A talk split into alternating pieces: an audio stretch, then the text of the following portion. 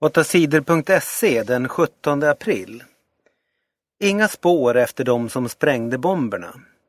Bomberna i Boston är det värsta terrordådet i USA på 12 år.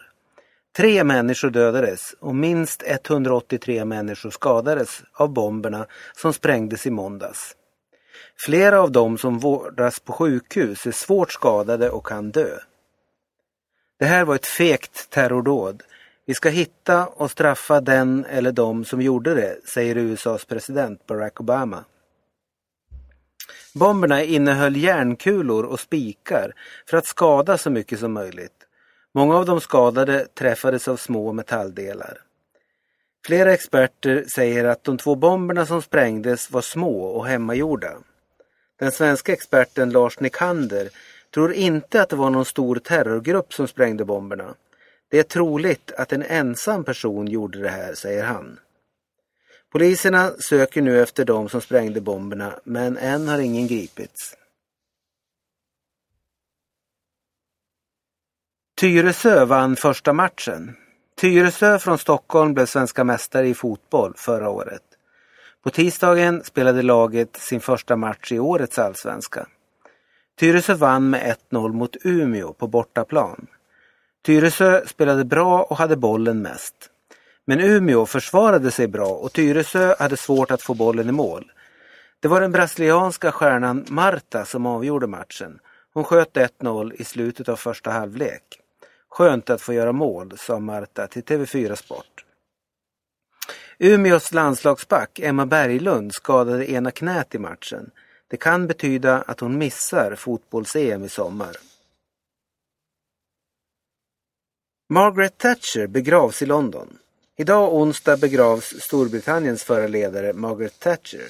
Omkring 2000 gäster kommer till begravningen. Bland dem är drottning Elizabeth och premiärministern David Cameron. Begravningen kommer att kosta omkring 100 miljoner kronor. Margaret Thatchers kista ska föras genom Londons gator. Redan på tisdagskvällen samlades människor för att få bra platser. 4 000 poliser bevakar begravningen. Poliserna är oroliga för att det kommer att bli protester under begravningen. Många britter tyckte illa om Margaret Thatchers politik. Bland annat för att hon var hård mot fackföreningarna. Svenskarna vill inte ha vinst i vården. De flesta svenskar vill inte att privata företag ska tjäna pengar och göra vinst på skolor och vård. Sex av tio vill inte att privata företag ska kunna ta ut pengar i vinst på vård och skolor. Det visar en ny undersökning som forskare vid Göteborgs universitet har gjort. Jag är förvånad över att så många tycker så här, säger forskaren Lennart Nilsson. Skellefteå är en seger från SM-guld. Skellefteå vann den tredje matchen i SM-finalen i ishockey mot Luleå. Skellefteå vann med 2-1. Skellefteås 20-åriga stjärna Viktor Arvidsson avgjorde matchen när han sköt 2-1.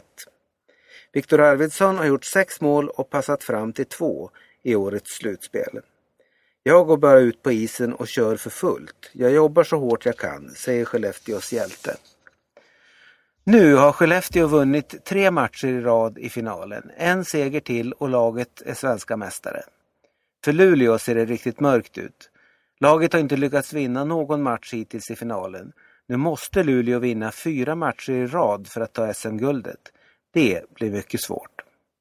Imorgon torsdag möts lagen igen. Då har Skellefteå en jättechans att ta hem SM-guldet. Sju döda i bråk i Venezuela. Nicolás Maduro vann presidentvalet i Venezuela i helgen. Efter valet har det varit bråkigt i landet. Valets förlorare Enrique Capriles säger att Maduro vann genom att fuska. Det har varit våldsamma slagsmål på gatorna mellan Maduros folk och de som håller på Capriles. Sju människor har dödats och många har skadats. Enrique Capriles säger att han vill prata med regeringen för att få stopp på våldet. Minst 35 döda i jordbävningen. Jordbävningen i Iran och Pakistan på tisdagen var den kraftigaste på många år. Hus rasade och många människor dödades. I Pakistan dödades minst 35 människor. Myndigheterna i Iran sa på tisdagen att flera hundra människor kanske hade dödats. Men senare sa en guvernör i området att inga människor alls hade dött.